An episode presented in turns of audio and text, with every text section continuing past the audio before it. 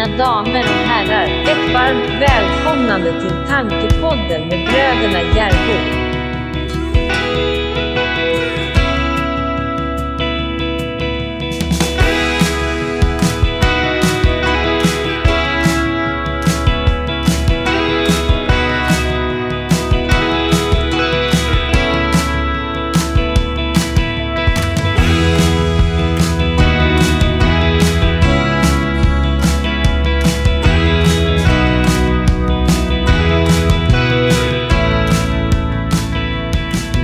Jag tänker vi kör lite...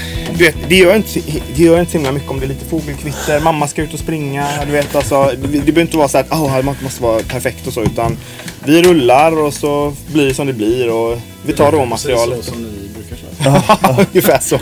Kaffe, te. Kaffe gärna. Kaffe gärna. Precis. Hej! Sebastian. Ja.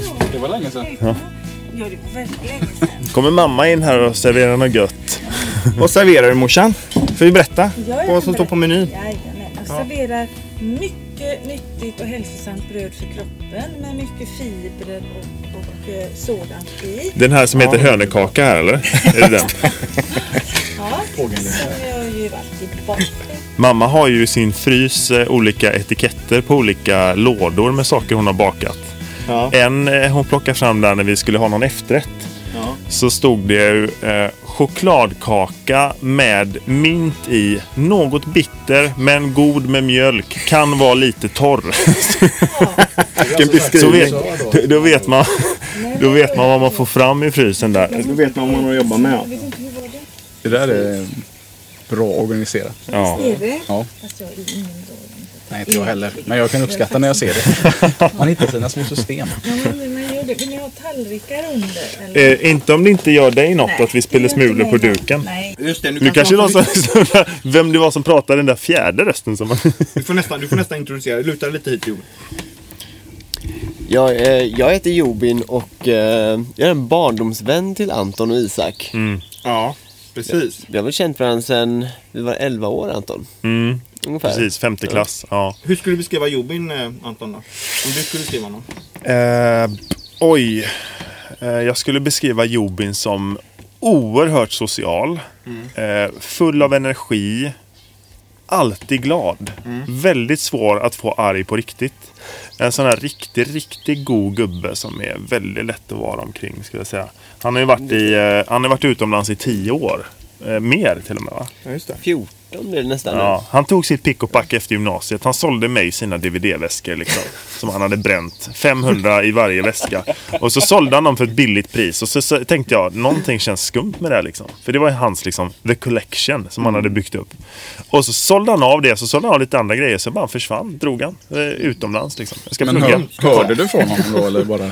Det här var innan Facebook och sådär. Så att eh, nej, jag hörde inte så mycket från dig. Utan eh, det gick ett par år. Jag var ju missionär sen också i Spanien och kom hem. Och sen så fanns ju Facebook. Jag skaffade ju Facebook när jag kom hem 2010. Eh, 2010, slutet, början 2011. Och där hittade vi varandra lite och började skriva och Jobin skrev. Och, men sen så kom man hem nu efter en, eh, många år och så känns det bara som att så här, Tiden har stått still. Tio minuter har inte ens gått. Ja, precis. Jag berättade precis för Sebbe, han parkerade där på framsidan och så gick vi runt här. Så sa jag att utbyggnaden här byggde jag och farsan, peka. Och runt den dränerade vi för hand och även runt hela huset. Och det var jag och Jobin som gjorde det. Vi stod här någon vecka. Just det. Och så bara vi handgrävde. Så sa Sebbe, ja men jag gillar att gräva. Så ja men det ska man nog göra om man ska handdränera ett hus. Det blir... Eh, Här kommer mamma med lite nya tilltugg här. Vad är det här för vad, stod, vad stod det på den här etiketten? Är det sötebröd, eller? Bullar något torra. så jag. Jag vad Det ser gott ut i alla Ser fall. söta ut. Ja, de ser väldigt fina ut. Tack så mycket. Vill ni ha mera bröd? Nej, inte, jag tror inte. Jag tror att vi klarar oss, eh, morsan. Tackar. Ehm, Oj, vad god. Jag Jag börjar får med smaka på bulle, den sen tar jag mackan efteråt. Mm, omvänd ordning.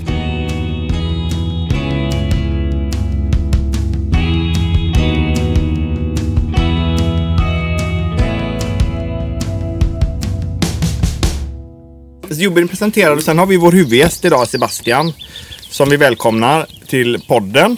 Eh, jättekul att ha dig här och det som vi också märkte som var lite kul när du kom nu, det var att du känner ju också Jobin. Det Ja. hade inte jag ens tänkt på att du gjorde.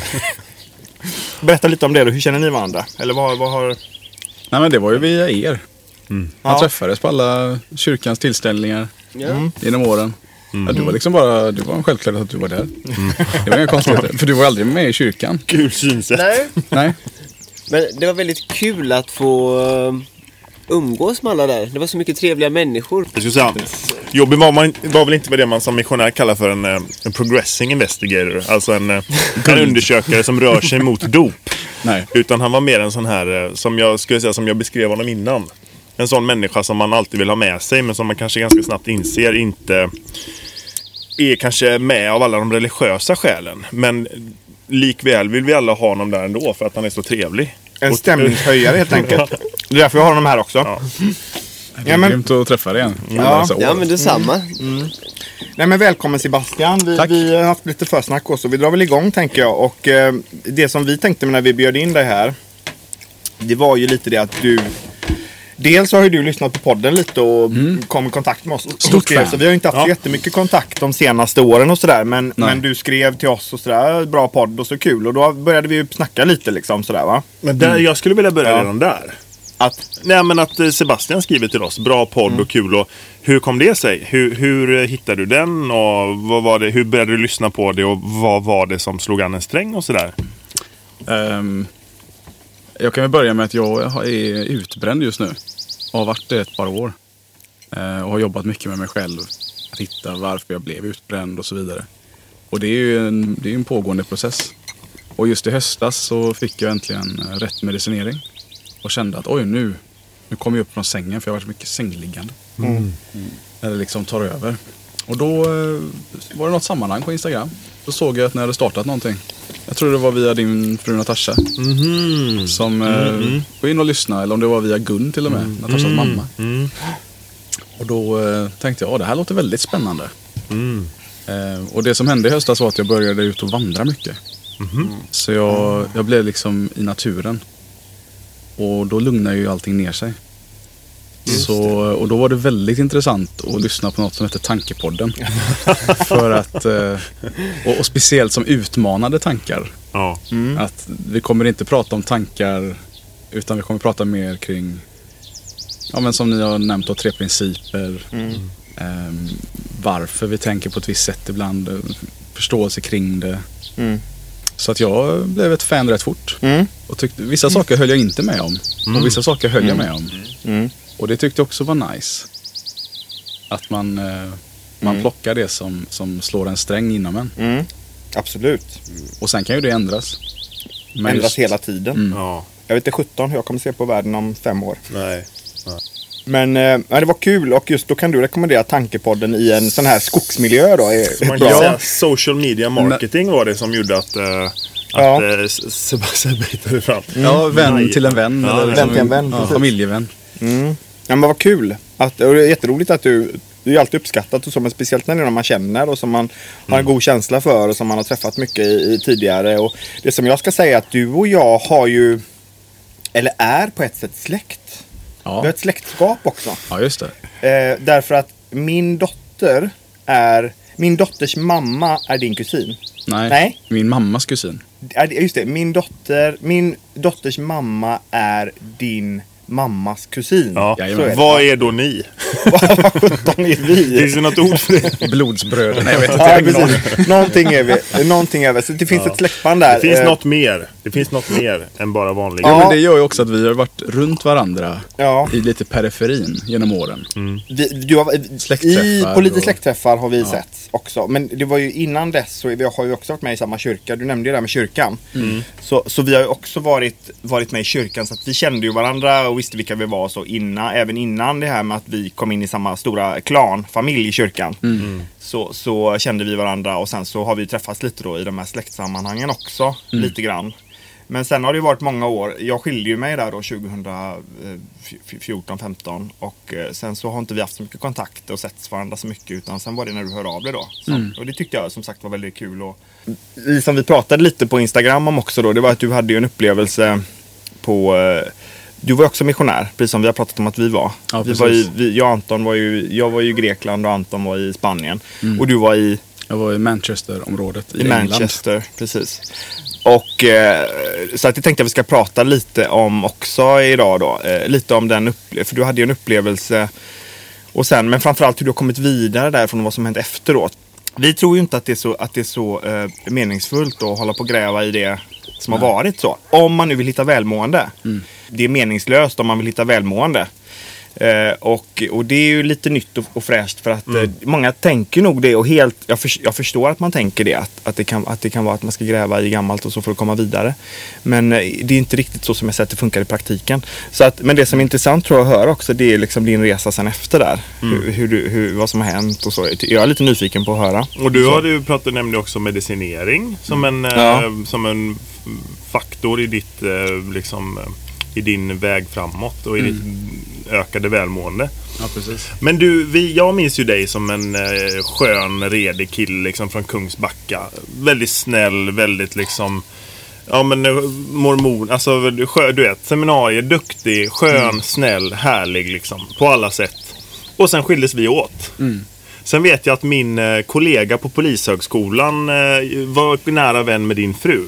Johanna Örnmark. Ja, Ja. precis. De växte upp tillsammans. Just det.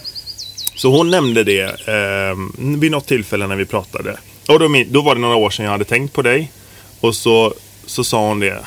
Herrey, Eva Herrey tror jag. Så sa jag, Eva Herrey som gift med Sebastian Herrey. Ja. Ja, ja, det är jättebra vän till mig. Så, Jaha, ja, jag känner Sebastian eh, sedan många år tillbaka. Jaha. Och sen så gick, försvann du lite igen och så gick det några år och så. Och sen började vi skriva om podden. Så sen, jag, sen du och jag skildes åt där någon gång i uh, övre tonåren där. Vad, om du liksom recapar lite därifrån. Vad gjorde du? Vilken väg tog du? Jag ska bara säga, jag måste flika in, för du säger ju Hirei och alla undrar så här, Hirei, det är ett känt namn. Det är ett känt namn, Ja, ja. Sebastian är son till en av de eh, snubbarna med gyllene skorna, Ja, eller hur? Precis. Ja, Ja, jag har inga gyllene skor själv, men jag har två gyllene muggar hemma jag brukar bjuda gästerna på. De får ofta ta dem.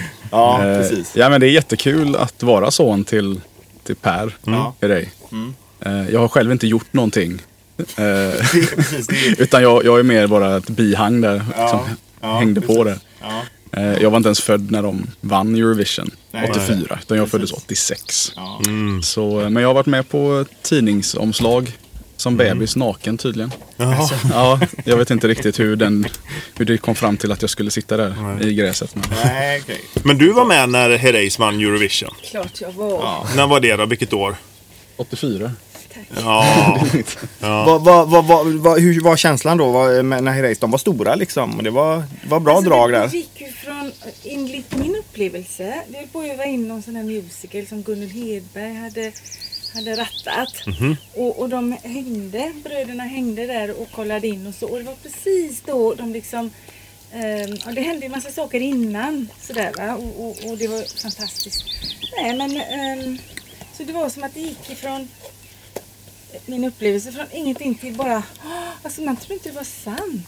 Där stod de liksom och, och de som du kände. vann. Du kände ja. de här. Ja. Och Ja, häftigt alltså. Vilken grej. Det är liksom någonting som är fullständigt oslagbart och det kommer aldrig liksom att, att försvinna på något sätt. Och det ser man ju för att det händer ju med jämna mellanrum att TV tar upp grejer liksom och, och ofta när det är i Eurovisionssammanhang man ska nämna grejer så, så kommer ju det här va? Om Deras dans och skorna och liksom det här alltså. Så det är Det var, just den var en tung hit alltså. Ja, det är just den här liksom perfekta hitlåten. liksom. Ja. Ja, men jag är glad att de sjöng den. Det är liksom den svårt. försvinner aldrig. Och, jag tycker aldrig att den blir, jag tycker aldrig att den blir uttjatad heller. Nej. För det kan man ju tycka om sån här dängor va, men den blir inte det. Jag ska säga också, jag har fått äran att spela med dem en gång på Nalen i Stockholm. Då var inte Ja. Rickard med dock. Per och Louis var med. Och eh, min eh, då för detta svåger fick ta eh, Rickards plats då och köra dansen där. Men det var kul. Då kör, Ja. spelade gitarr till och så körde vi de låtarna där då. Kom loss och Diggiloo Diggiley körde vi. Ja. Ja, bra dängor. Ja. Men det är lite grann som att eh, vi ska sitta här nu och så om två veckor så har, står Jobin på Eurovision-scenen och vinner alltihop. så känner man då att, men vänta lite nu, vi satt ju och hade det så mysigt här på altanen. Vad hände liksom? Det var, det var ett mirakel alltså. Ja, det hade varit eh, otippat men eh, man skallade sig aldrig. Nej. Det är aldrig för sent att börja Jobin.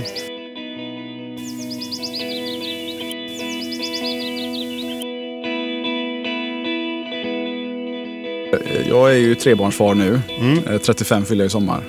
Och eh, Eva och jag eh, har varit tillsammans i 17 år. Det är och, länge. och vi var Det är länge. 17 när vi blev tillsammans. Ja. Ja. Så att vi har delat livet eh, länge. 17 år, det är länge. Hälften. Alltså det är länge för att vara i din ålder. Ja, Men sen länge. dessutom så har ni känt varandra mycket längre än så va? Var inte, Ni var Ja. inte samma församling? Jo, det var vi. Ja. När jag var 15 lärde vi känna varandra. Men det då var jag så otroligt bitter. För vi flyttade från Göteborg. Jaha. Så jag bodde i Göteborg från det att jag var 10 till 15. Nej. Och då blev det att eh, jag ville absolut inte bo ute på landet. Nej. Så vi skulle på en bussresa upp till eh, Stockholm tempel. Och så satte sig Eva bredvid mig och sa hej. Jag heter Eva, vad heter du? Åh! Stu- s- som movie story liksom. Ja, men det var, det var, och det var så här att jag ville verkligen inte följa med på den resan. Ja. Absolut inte. Så sa pappa, du ska med. Ja, Okej då, jag tar med mina hörlurar och sitter och lyssnar på min CD-skiva. Liksom. Linkin Park var det då. Hybrid Theory. och då kommer de och sätter sig, hej. eh, Jag heter Eva, vad heter du? Jag heter Sebastian. Ja, jag känner din mormor. Då syftar de på min mormor Kari. Som är gift med min morfar Birger Sandlund. Eh, Och då var det så att eh, min, min eh, riktiga mormor, biologiska mormor ska jag säga. Hon dog för många år sedan. Så Marie. min kommentar, Maria, precis, Marie, Marie. Marie, ja. Så min kommentar till Eva var, min mormor är död. Okej.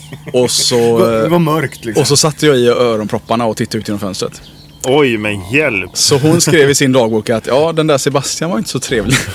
Men eh, hans bror Joel var ju roligare däremot. Han var lite ja. mer. Han Ja, var ju för du- social och glad. Och liksom. Han är två år yngre eller? Han är ett år yngre bara. Ja, han är 87 som mig. Ja, Okej. Så vi är pseudotvillingar. Ja, just det. Jajamän. Ja, han bor i USA va? Han bor här nu. Han, mm. För fan att han bodde i USA. Han bodde i USA. Eh, nu bor de här. Sen får vi se om de flyttar tillbaka. Men han har också tre barn. Ja, just det. Så hans fru är amerikanska. Ja. Men just det där som hände med på bussen där, sånt där så. Min kollega också, han satte sig på bussen så satte han sig bredvid en snygg tjej så sa han det. Du är ju riktigt fin alltså. Jag skulle vilja lära känna dig. Nu är de gifta. Ja, det var jag det sa. så här movie Ja, det- moment alltså, det- liksom. det- Ja, Ibland går det fram, det, det är att det. det händer ibland tycker Ganska jag är så kul. modigt, alltså, att göra ja. så. Förlåt, Ja. fortsätt. Ja. Nej, men det roliga är att vi blev tillsammans sen på en, en till bussresa. Fast till Danmark tempel. ja, det var så. Ja, Så två år senare så blev vi tillsammans. ja. Då fick du en chans till helt enkelt. Ja, Ja. det blev liksom så. Bättre bussresa. En mycket bättre bussresa, helt klart. Nej men, eh, och där är vi idag. Va? Vi, vi är liksom tre barn, ehm, fem, sju och nio år. Vi är mitt i det. Ehm, Och livet är underbart. Eh, Trots att jag kämpar med utmattning och, Mm. Och sådana bitar. Och jag kände väl att jag ville nog inte gå på mission. Jag ville hellre vara hemma och gifta mig med Eva. Mm. För jag tyckte, ja, men- Klassiker. Ja, klassiker ja. ja men jag, ah, du vet, kan inte vi gifta oss istället liksom? Mm. Eh, och då sa han att eh, jag sparkar i baken. Du ska ut på mission. Mm. Okej då. Precis som man ska säga, för en, en hemvänd missionär kan man säga på, på, på, om man ska kalla det för köttmarknaden i kyrkan, har ett ganska mycket högre värde än om man inte, ja, alltså, man säga så här, som jag upplevde i kyrkan så var ju, hade man varit på Man mission, man kom hem, då var det liksom lite hög status. Ja. Eh, Och är man inne i det med kyrkan, vilket ni antagligen var, Ja, var var, då på den tiden, eh, så var, så var det liksom att mission, det ska man ha gjort för Mm. att liksom ha, ha gjort det rätt om man säger då, hela, hela vägen. Och jag kan ju lägga som kommentarer också att idag så är vi inte medlemmar i kyrkan. Nej. Men det var absolut eh, eh, hela vårt liv. Mm. Och eh, identitet och, och hela den biten. Mm. Så mission, när jag väl kom ut på mission, jag hade väldigt kul. Mm. Eh, och just det här mötet med människor. Eh, och jag märkte också att jag drogs väldigt mycket till människor som kanske var missförstådda. Som inte kände sig sedda. Mm. Som generellt sett hade det ganska jobbigt i livet. Ehm, det var de jag kände att jag kunde relatera till. Mm. Av någon anledning. Eh, det ska också tilläggas att när jag kom ut på mission och innan dess så tänkte jag att det här med att vara deprimerad. ursäkta. Det här med att vara deprimerad var något som inte fanns. Jag tänkte alltid, ja, men ryck upp dig nu. Vad är problemet? Eh, och den inställningen hade jag liksom under missionen också. Kunde möta på vissa som var väldigt trötta. Mm. Eh, men vi körde på och så Du menar att du gav dem rådet då att rycka upp dig? Eller? Ja, precis. Att, eh, väldigt naivt. Att, eh, ja, men kom igen nu. Så farligt kan det inte vara. Medan personen i fråga kanske hade en jättedjup depression eller hemlängtan eller kände sig misslyckad. Det kan vara vad som helst. Ehm, så att till slut, eh, jag har varit ute i 16 månader. Så eh, en kväll så gick vi en eh, genväg. Mm. Och för att vi missade bussen. Och varför vi missade bussen var för att jag behövde slå en drill. Jag behövde alltså kissa. Mm. Så på busstationen så springer jag bara bakom hörnet, slår en drill, då kommer bussen och åker förbi oss. Och vi skulle hem till någon som ville döpa sig.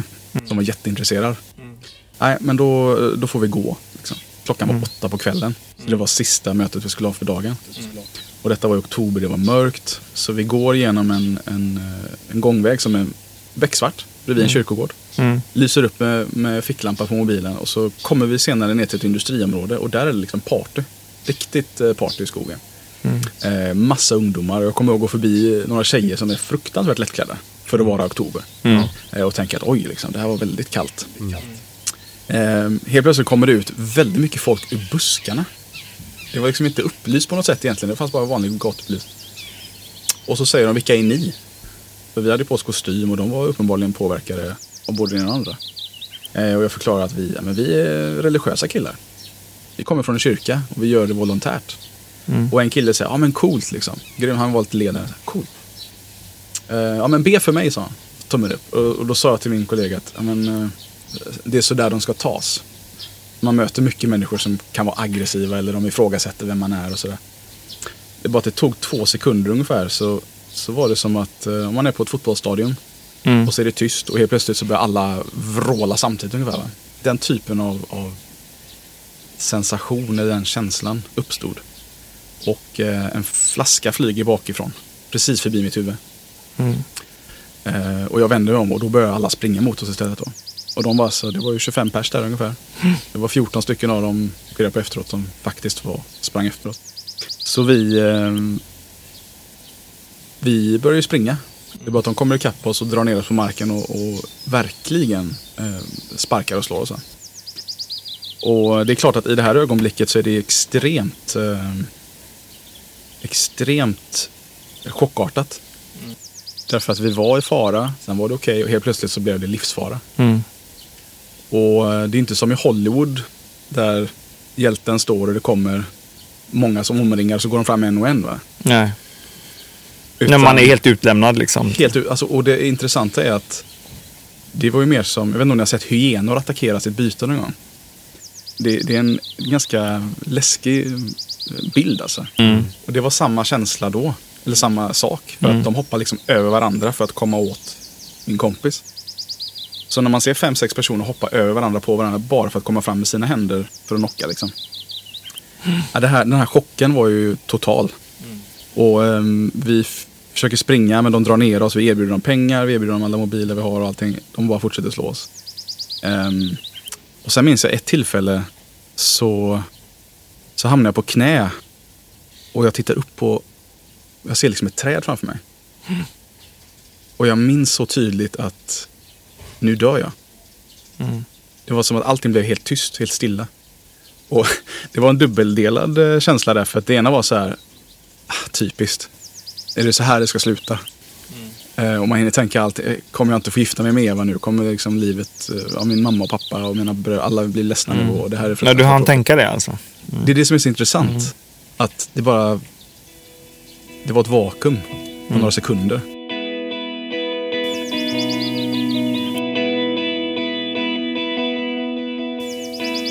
Ehm, Jag rycktes ur det här ögonblicket för att min, min kollega skrek spring. Och då hade han också kommit loss. Så vad vi, vi lyckades ta oss upp. Det här var liksom en sidogata från en huvudgata kan man säga. Så det var liksom 500 meter ungefär som vi tog oss upp då. Och där uppe kom vi in i en bar och vi fick hjälp. Och intressant nog så kom polisen precis då. Svängde ner och sprang efter de här ungdomarna. Mm. Ehm, och lyckades fånga en av dem. Mm. Som sen tjallade på resten. Mm. Och det var ju tjejer med i det här gänget också som jag nämnde. Och de skrek ju också sluta hela tiden och sådär va. Så alla 14 åkte fast. Oj. Och, och blev faktiskt dömda för detta. Mhm. Och det var ju intressant att, att det hände i eftermatten så att säga. Och som, som polis då, ska jag säga, det var ett eh, ut, otroligt resultat skulle jag säga av en sån misshandel. Ja, Men, jag eh, tror det var mest att tjejerna berättade vilka Ja. som hade gjort det då. Ja. Men det, är, det är som när vi pratar om tankar och vi pratar om, om de här bitarna. Vissa saker slår en sträng, man kan relatera till det. Man kan känna igen sig i det. Eh, vissa saker kan man inte förstå.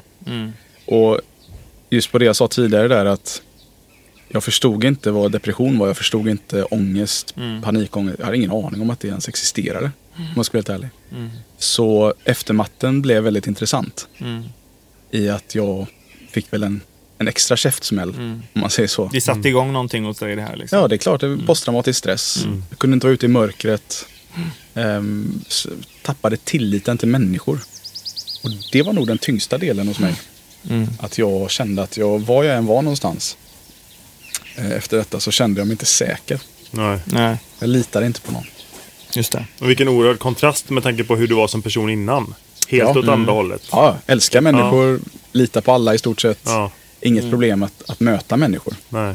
Och det, det är inte så svårt att förstå tycker jag att, att du att det satte igång någonting mörkt hos dig det här. Alltså den, den händelsen som du var med om och att det, att det liksom fortsatte sen då. Eh, efteråt, i ditt, efter att det hade hänt, att det här fortsatte spelas upp i ditt huvud så att säga och att det fanns med dig sen eh, efteråt. Att det, det gjorde som du säger att du var rädd för mörker och att du hade liksom eh, jobbigt med detta. Men du får gärna berätta lite vad, hur, hur det liksom, vad som hände sen då efter. Det som hände var ju att när vi mötte de här människorna i skogen så, så var det ju först ett trevligt bemötande. Att de, de var ju faktiskt, ja men okej, ni, ni verkar vara reko killar. Mm. Men eh, det jag såg, eftersom jag beskrev det här bruset som, som vrålet som kom till ungefär. Mm. Jag upplevde det som att på något sätt att de blev besatta nästan. Mm. Inte, inte besatta av demoner kanske, men jag upp, alltså, när jag såg deras ögon. Det, var, det var så mörkt hat. Mm. Det var så omänskligt mörkt hat. Mm. Och i mitt huvud så var det att men de, här, de här människorna är påverkade. De förstår inte vad de gör. Mm. Ehm, så på något sätt så fick tidningarna reda på att det här hade hänt efteråt. Och hörde av sig till oss. Eh, och frågade om de kunde få intervjua oss. Ja, det kan ni väl få göra. Ehm, och då frågade de, ja men hur känner ni nu då? Efteråt liksom. Och jag, och jag sa det att nej, jag känner inget, jag känner inget agg mot de här människorna. Därför att för mig så var det, det var inte dem. På något sätt va. Mm. Hade de varit nyktra och så vidare så hade det förmodligen inte hänt. Mm. Och f- det här blev jättestort. De tyckte att oj men snälla någon, du förlåter alltså dem? Mm. Jo men det gör jag. Jag känner inget agg mot dem. Bara några dagar efter det här så, så hamnade vi på löpsedlarna runt hela stan. Vårat ansikte, våra ansikten där. Och victim forgives his attackers. Mm. Och ehm, för mig var det lite lustigt. Därför att i det tillståndet jag var i då så var det ändå... Jag tyckte inte att de menade inget illa. Jag tror inte att de egentligen ville göra det här om de förstod vad de gjorde. Mm. Men det var lite grann som, som Jesus sa, eh, förlåt dem fader för de vet inte vad de gör. Ja. Det var den känslan jag hade med mig. Så att gå runt helt plötsligt och se att, att det var en så stor grej tyckte jag själv var lite så här, jaha. För, för mig var det väldigt naturligt. Just det. Sen slutade det med att jag eh, kunde inte vara kvar i samma stad. Så jag bad om att bli förflyttad. Eh, hamnade i en annan stad och eh, väl där då så fick jag min första panikångestattack i livet. Okej. Och eh, jag förstod inte alls vad som hände. Det Nej. var armar som flaxade och benen skakade och hela jag fullständigt hulkgrät och trodde jag skulle dö. Ja. Och eh, min kollega var nere på nedervåningen. Vi bodde hemma hos en familj då. Så eh, helt plötsligt så kom han upp och, och hittar mig i det här tillståndet i vårt rum. Eh, och hämtar de som bor där då. Och jag, de försöker ju bara lugna mig och sådär. Så det slutade med att jag fick vara hemma hos några andra medlemmar i två veckor själv. Eh, och då kan man ju tillägga att som missionär så är man alltid tillsammans med sin kamrat. Ja. Och att vara själv helt plötsligt var väldigt märkligt. Mm. Det var nästan, det var läskigt. Positivt eller negativt? Båda två. Ja. Förstår, det är väldigt skönt att vara själv plötsligt. Ja. Men det var väldigt märkligt efter, efter 16 månader att, Ja. ja 17 månader var det nu då, att jag skulle vara själv. Ja. Jag kunde gå ut och springa själv. Ja. Jag kunde gå Så på promenader pass. själv. Ja visst, jag fick verkligen vara själv. Okej. Men efter två veckor så ringde våran, eh, våran regionala, eh, ska man kalla det, föreståndare. Ja, Eh, ledare, eller? Ledare, ja precis. Stavspresident kallas det då. Mm. Och han sa det att eh, jag tycker att du borde komma hem. Mm. Och då sa jag, nej men jag, jag vill vara kvar. Jo men du måste komma ihåg att du är här frivilligt. Du får inte betalt för det här. Det är ingen som kräver av dig att du ska vara kvar. Utan kom hem och vila upp dig och, och känner du sen att du, att du vill åka ut igen så gör det. Mm. Så då tog jag beslutet att nej men då åker jag hem. Mm. Ehm, och det var, det var tufft. Det var väldigt tufft. Ehm, att avbryta det jag älskade. Att liksom släppa människorna jag hade byggt en relation med och, och verkligen, ja men jag älskar dem med hela mitt hjärta. Ehm, och komma hem då och just kontrasten till att komma hem igen. Det var ju som att ingenting hade hänt.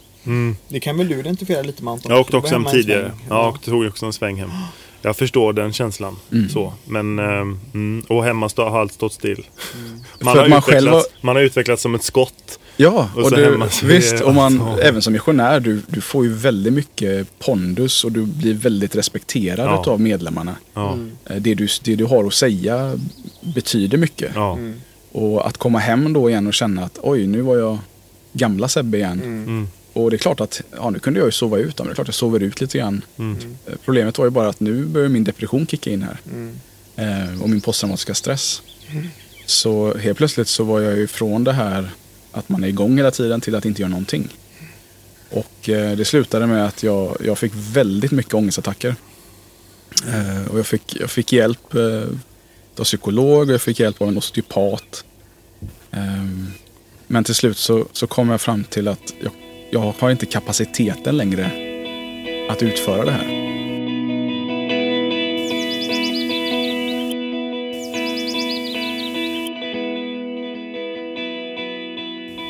Eftermatten utav det som hände var ju att ja, vi, jag kom hem och vi gifte oss. Eh, den sommaren, det var ju fantastiskt roligt att få gifta sig. Mm. Eh, vi åkte till Sypen på smekmånad och det var, Nice. ja, det var riktigt nice alltså. Vi Där, hamnade, där jag var på mission för övrigt. Var du på Sypen? Ja, jag var där. Det ingick i mitt område så jag var där eh, några gånger. Ja. Eh, Så. Mm. Och vi, vi bokade en sista minuten, vi hamnade i Ayia Napa.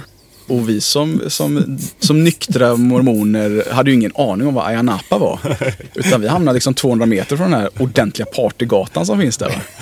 Eh, och gick förbi där på dagen och oj vad roliga teman de hade här och dinosauriebarer. Och, oj vad titta här vad roligt. Och sen på kvällen märkte vi att jaha, Ja, Daniel Englund minns du? ja Daniel och Daniel Englund kom hem från mission och tog en resa till Asien. Och så hamnade vi i Thailand och så skulle vi gå till vårt hotell. Så skulle vi gå förbi den här Bangla Road. Deras partygata i Phuket. Okej.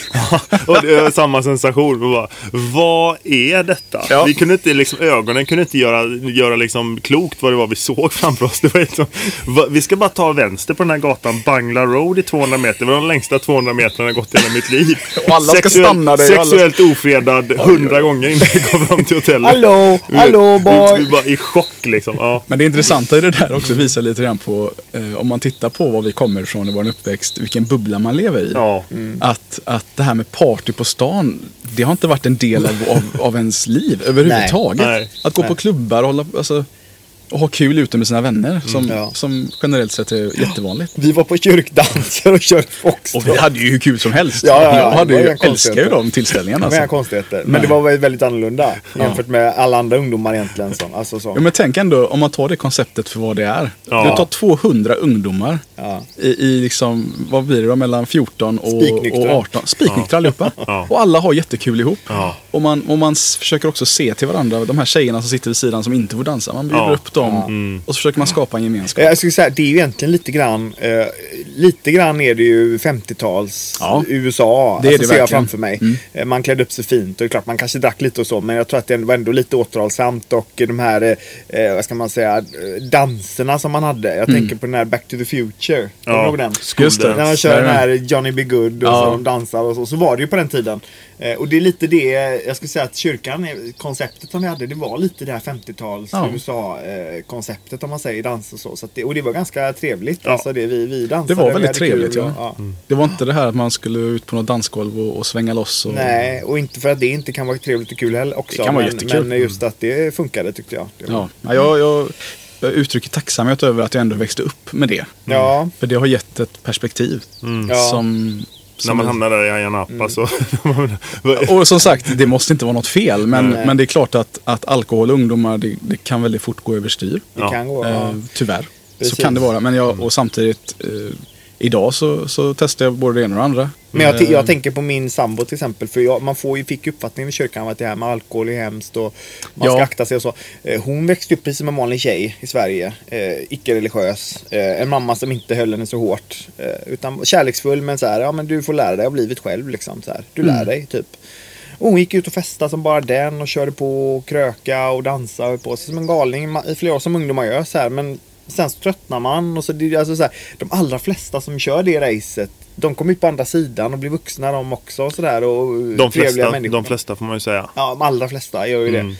Så att jag hade ju bilden av liksom att de som är ute och festar och dricker och kanske provar något här och där och så. Att, de, att det var liksom så här, oj, att det var liksom rakt ner i stupet. Medan Ja. det har jag förstått sen att så är det ju inte liksom. Utan det var ett narrativ som man hade i, i kyrkan som, som man fick eh, med sig och, och så. Så att det, för mig var det en liksom, lite ögonöppnare när jag började träffa andra människor sen och säga shit, de här är ju hur mogna och sköna och trevliga och skötsamma som helst.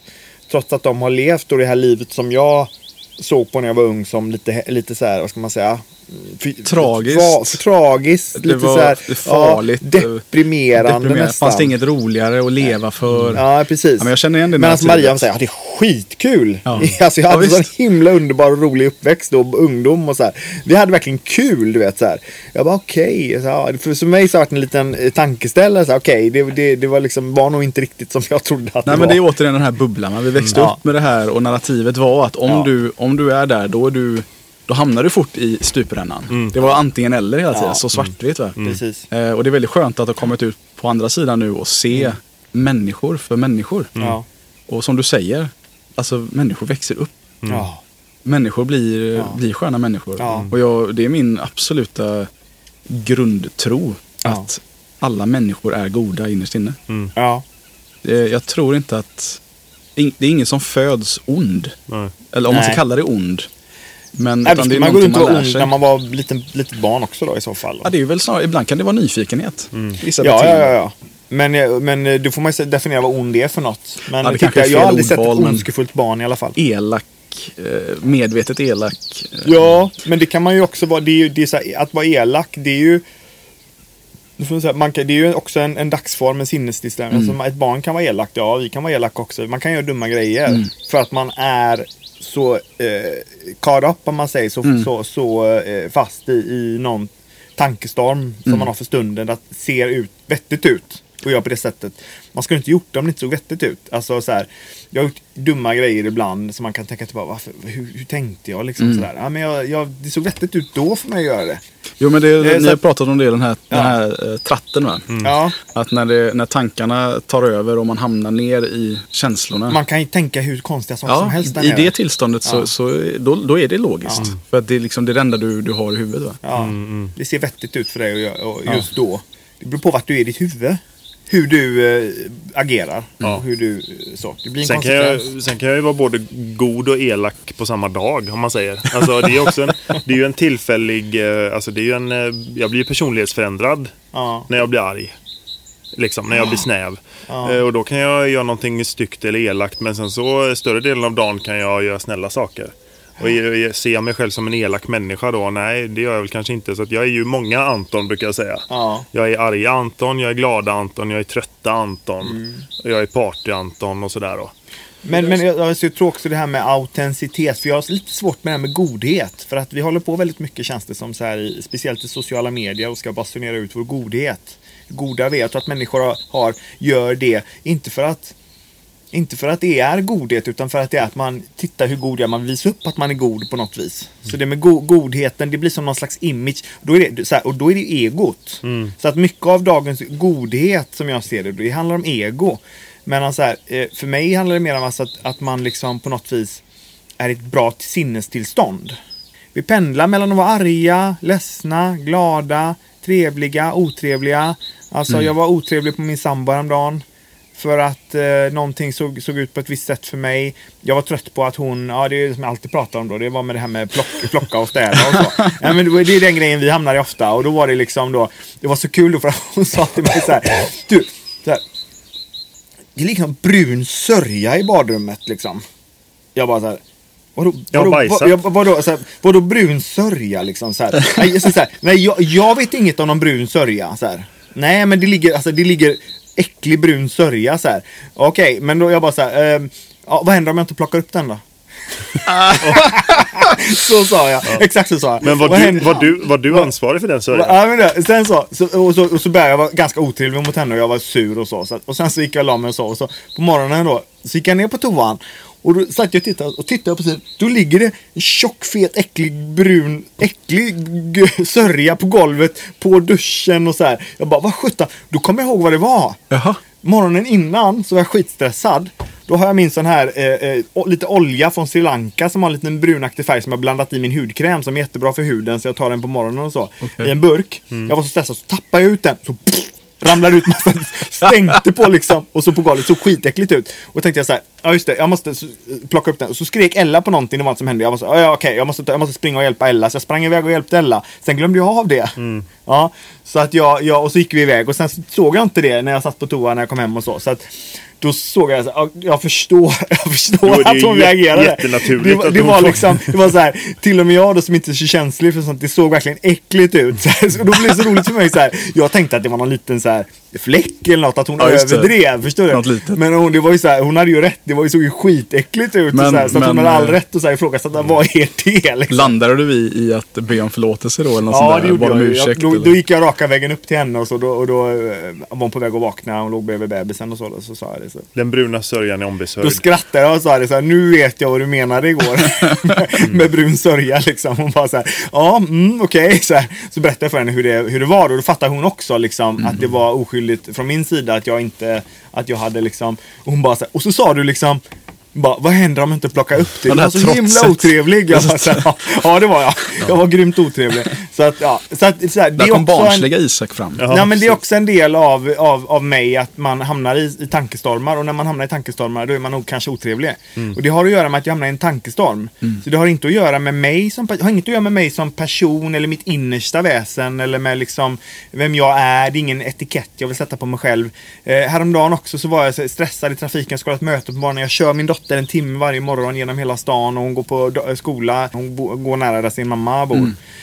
Eh, Så att jag kör mycket bil och det är vet, Stockholmstrafik och man är stressig. Jag kör som en biltjuv ibland liksom. Och, och, och då brände jag förbi en långtradare du vet för att vinna några meter. Jag bara körde skitfort på tvåans växel och bara trängde mig in framför honom liksom. Han blev assur. Man, man såg på honom liksom så här. Och så körde han förbi mig bara tutade bara eh, och så långfingret så här. du vet så här. Och då, då känner man sig inte så himla god. Om någon du vet så här. Ligger på tutan, bara fuck you, så här, åker förbi. Då kände jag mig så här. Då fick jag den här känslan så här, okej. jag fick just en långtradare att bara tuta järnet och ge mig långfingret så här. Vad säger det om mig? så här, Vilket tillstånd är jag i nu? hur, ska- hur ska jag få in det med min självbild? Ja. Som den här goda personen, du vet, tankepodden, förstår du? Men det är så här, okej, då, då inser jag så här, också igen då att det har, egent- det har ingenting med mitt innersta väsen att göra det här, utan det har att göra med att jag var i en stressad tankesituation, gjorde en jättedum omkörning.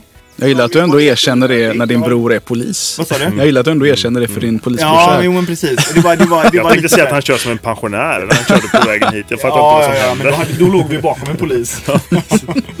nej men, nej, men så att, så att då, in, då, då fick jag och då satt jag och tänkte lite på det och kände de här olustiga känslorna som man gör när någon ger en kritisk feedback eller man har fått du vet, någon som ger fuck you och ta, tutar på mig och sådär du vet va. Det känns ju inte så kul. Och man känner Vem, vem är jag egentligen? Tänk, Vem vem är jag? är Vad är jag jag, för, vad är jag för människa? Är jag den här personen som långtradare tutar på och ger fuck you åt liksom? Är det jag? Men jag skulle ja, det vilja- jag i den stunden. Jag skulle vilja prata lite om det. Ja, gör det. Ja, Just det där kring vem man är. ja,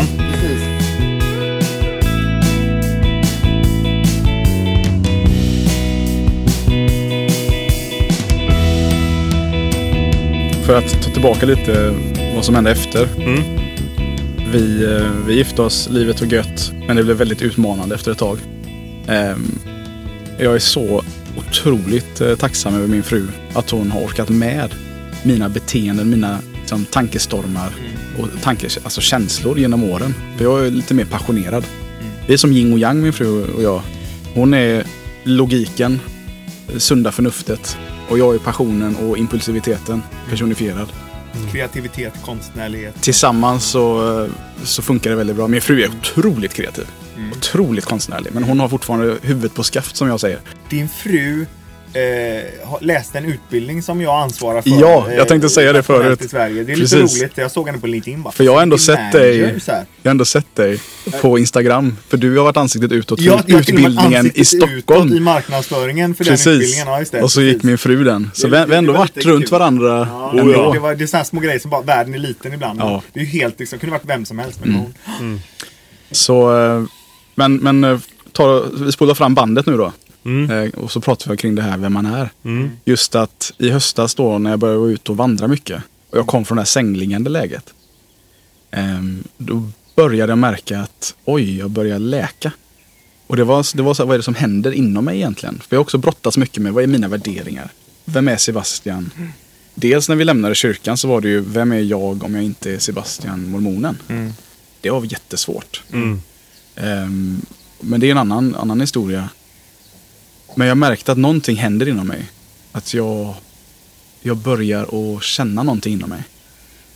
Och eh, ju mer jag vandrade ute i naturen och kände att jag var en del av, av allting liksom. Så började jag märka att vänta nu, jag, jag bär på någonting här. Eh, jag, jag bär på att jag skyller på mig själv väldigt mycket. För att ju, mer jag, ju, mer, ju fler steg jag tog, ju mer märkte jag att den här rösten som man kan ha i de här tankestormarna, eller efter tankestormarna kan man tillägga, där man är kritisk mot sig själv. Man, när man pratar illa om sig själv. Ja, men du, är inte, du är inte bra på det här, eller du kommer aldrig lyckas med någonting. Eller du, du duger inte till det här. Den inre psykopaten, att säga. Ja, men det, det är en bra beskrivning. Den inre psykopaten är en väldigt Som bra beskrivning. ständigt kacklar i huvudet. Ja. Jättebra. Eller kack, ja visst, en höna Mobbaren brukar jag säga. Vi, vi mobbar inte andra, men vi är bra på att mobba oss Vi är själva. väldigt bra på att mobba oss själva Ja, ja, och trycka ja. ner oss själva. Ja. Och eh, under den här perioden så träffade jag också en sjukgymnast.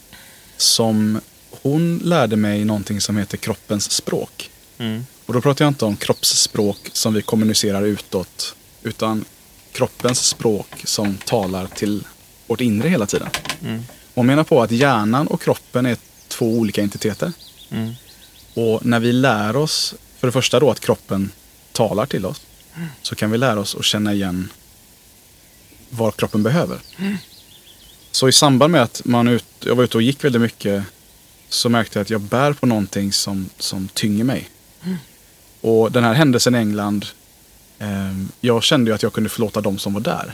De som hade gjort detta mot mig och min, min kollega. Men det ska tilläggas att jag inför det här händelsen, eller innan det här hände, så i något flyktigt ögonblick så tänkte jag att åh vad skönt det hade varit att komma hem tidigare från mission. Därför det är klart att 90% av det här är ju jobbigt. Det regnar, man står och knackar dörr, man står på stan och pratar. Får ju nej 2000 gånger om, om dagen. Eh, vad skönt det hade varit att komma hem tidigare. Och, och liksom hedersamt då som det kallas. Helt naturligt. Helt så. Ja, precis. Helt naturligt att tänka så. Ja. Men jag märkte att det här har jag haft med mig alla år. Och tryckt på mig själv. Att det var mitt fel att det hände. Att jag önskade att det skulle hända. Och det här har jag väl förstått är väldigt vanligt. Det kan vara väldigt naturligt att man, att man skyller på sig själv. Men när jag träffade den här sjukgymnasten, som jag kallar för själsgymnast numera. För att hon ställer bara frågor egentligen. Och öppnar upp det som kroppen faktiskt berättar. Så märkte jag att oj, jag har inte förlåtit mig själv. Och det var en, det var en förlösande känsla. Att jag förstod att jag var inte ansvarig. Jag bar inte ansvaret för någon annan. Vad de hade gjort mot mig. Och jag tror att väldigt, väldigt ofta så bär vi på sådana känslor. Som vi, inte, vi förstår dem inte riktigt för att vi vet inte att det ligger och trycker. Men alla, alla, som du säger, man gör dumma saker när man är i känslostormar. Mm. Eller man tycker saker, man, man dömer andra, man dömer sig själv och så. Att börja lyssna på kroppens språk. Och det som är inuti, det som vi är. Som finns bakom tänkandet brukar vi prata om också. Precis, det som är Att bakom tänk- tänkandet. Att man inte behöver identifiera sig med sitt tänkande och tänka att mitt tänkande är jag. För vem är det då som observerar tänkandet någonstans? Eller? Ja, för det, det finns ju ett uttryck som säger att det du gör är den du är. Eller du är det du äter. Alltså det finns många sådana uttryck. Som, som hela tiden fokuserar på görandet. Men, men jag vill snarare mena på att när vi tar bort görandet Mm. och vi hamnar i vad, vem och vad vi är. Mm. Då börjar vi att, att hitta eh, läk, läkandet inom oss. Mm. Och att det är den Sebastian som du pratade om där, som var ung och glad och sprallig. Och så, så, så. Den Sebastian, alltså den personen och så, den har ju funnits i det, den är det är inte så att den har försvunnit någonsin eller så. Det är inte så att du, att din innersta kärna eller själ, eller vad man kallar det för, har försvunnit någon gång. Utan så här, det är ju bara, egentligen bara det enda som eh, Eftersom vi säger det enda som vi kan uppleva det är vårt tänkande hela tiden. Det är ju så vi, det är så vi skapar vår upplevelse. Det är ju, och tänkande är ju inte som vi säger så här, ja, men du tänker på ett träd. Ja, alltså förstår du? Det är inte det. Utan det är mer som en kraft som hela tiden strömmar i oss. Det är, det är, en, det är ett, ett råmaterial av upplevelse som hela tiden tar form i vårt huvud. Eh, något formlöst som blir till form och så, som spelas upp och så på vårt medvetande och så blir det en verklighet för oss. och Så, va? så att det, det är ju det som på något vis är den enda faktorn som har funnits i spel för dig. Om man, eh, så, så som du eh, ser på det nu då att genom allt det här och så det som enda som egentligen har hänt det är ju att jag spelat upp en film eh, på ditt medvetande eh, som har varit helt verklig för dig. Och Den har varit, det har varit sanningen för dig. Liksom. Precis, det, för det, det det är så, du, det du tänker, det känns sant hela tiden. Sen när du tittar tillbaka på det så ser du att okej, det jag tänkte där, det var ju faktiskt inte sant. Nej. Men när jag tänkte det så kunde jag svära på och ta lögndetektor och testa att det var sant. När jag, när jag stod och pratade med min fru, eh, min, fru, min sambo och, och eh, som för övrigt ska bli min fru. Får jag, avsluta det? Får jag avslöja det här? Nej, Maria? vad roligt! Jag friade till henne för ett tag sedan. Ja. Nej men grattis! Ja, tack. och vilken, wow! Svensexa! Oj oj oj, men en liten applåd. Svensexa! Svensexa nummer två. Isak! Ja, ja, Den ja, här ja. gången kommer vi inte gå lättan som Den vi här gjorde blir första okej. gången. Det blir all in. Jag, jag tar vad jag får. Jag får acceptera det nu. Jag blir så här Det- det- löjligt glad när jag hör såna här grejer. Ja, nej, men det känns jättekul och det, det, det är positivt och så. Så vi är glada och vi har fått vår bebis som vi har kämpat för och så. Så det, det är jättehärligt och, så. Men Det är en mycket trevlig, en mycket trevlig händelseutveckling.